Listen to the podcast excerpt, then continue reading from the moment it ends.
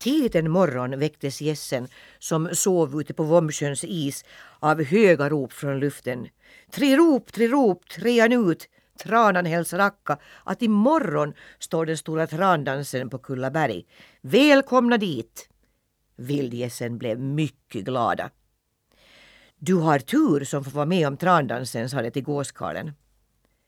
Är det så märkvärdigt? frågade Mårten. Det är vad du aldrig har drömt om, svarade vildgässen. Men först måste vi nog få oss något till livs, sa Akka. Det flög mot sumpmarkerna söder om Glimmingehus. Den gamla stenborgen var så hög och väldig att den syntes milsvida över slätten och överst på takåsen hade en stork byggt sitt bo. När gässen fått sitt bete av ängsgräset for de raka vägen till djurmötet och trandansen. Kullaberg var lågt och långsträckt. Det hade rusat ut i havet så långt det kunde komma. De branta väggarna var rikt utsirade av vatten och vind och på det platta bergstaket fanns skog och åkrar, ljunghedar och naken sten. Sedan urminnes tider hade djuren samlats där varje år på en lekplats som var väl dold bakom berg och kullar. Varje djurslag höll sig på sin kulle fast det givetvis rådde allmän fred under mötet. På den dagen skulle en liten harpalt kunna vandra över rävarnas kulle utan att förlora så mycket som ett av sina långa öron. Pojken lät blicken vandra från kulle till kulle. Över en såg han kronhjortarnas mångtaggiga kronor, över en annan de grå hägrarnas nacktofsar. En kulle var röd av rävar, en svartvit av havsfågel, en var brun av harar.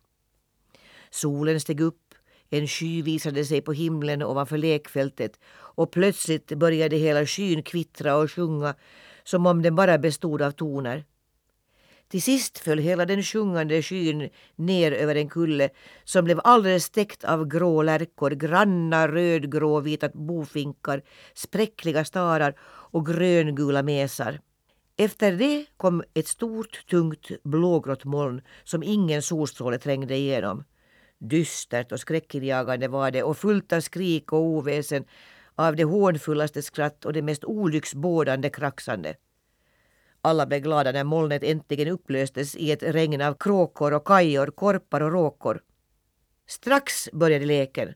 Hundra tjädertuppar i blänkande svartbrun skrud och med klarröda ögonbryn kastade sig upp i en stor ek. De slog upp skärten så att de vita täckfjädrarna syntes och det började klunka djupt nere i strupen på dem. Tjack, tjack lät det. Sis, sis, Hör så vackert, siss, siss. De föll i helrökning och visste inte till sig och deras rus verkade smittsamt också på de andra djuren. Just som orrarna med sina skönt svängda stjärtfjädrar rusade ut på lekplatsen för att tävla med tjädrarna skedde någonting förskräckligt. En räv smög sig helt sakta fram till vildgässens kulle. Han gick mycket varsamt och kom långt upp för backen innan någon märkte honom. Men så fick ändå en gås syn på honom och som hon inte kunde tro att en räv hade smugit sig in bland gässen i någon god avsikt började hon ropa Akta er vildgäss, akta er! Räven högg henne i strupen, kanske mest för att hon skulle tiga men vildgässen hade redan hört henne och flög högt upp i luften. Därifrån såg de Smirre Räv stå på deras kulle med en död gås i munnen. Men därigenom hade Smirre brutit lekdagens fred och för det fick han sitt straff. Det var så hårt att han i alla sina livsdagar säkert ångrade att han inte kunnat låta bli Akka och hennes flock. Han blev genast omringad av en skara revar och dömd enligt gammal sed. Den som stör friden på den stora lekdagen måste gå i landsflykt. Så blev Smirre förbjuden att uppehålla sig i Skåne. Han förvisades från sin hustru och sin familj, från sina jaktmarker, viloplatser och gömslen och måste fresta lyckan i främmande trakter. Och för att alla rävar i Skåne skulle veta att Smirre var fågelfri i landskapet bet den äldsta bland rävarna av honom den högra öronspetsen. Så snart detta var gjort kastade sig de unga rävarna över Smirre. Det återstod honom ingenting annat än att ta till flykten.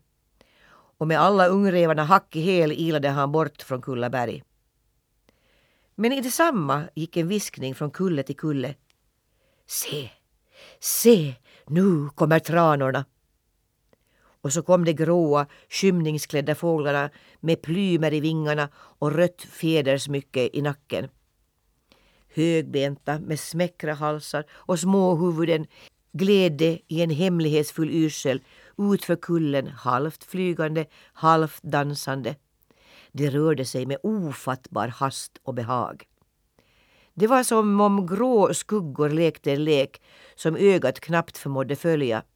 Det var som om de lärt sig av dimmorna som svävar över de ensliga mossorna. Det låg trolldom i det.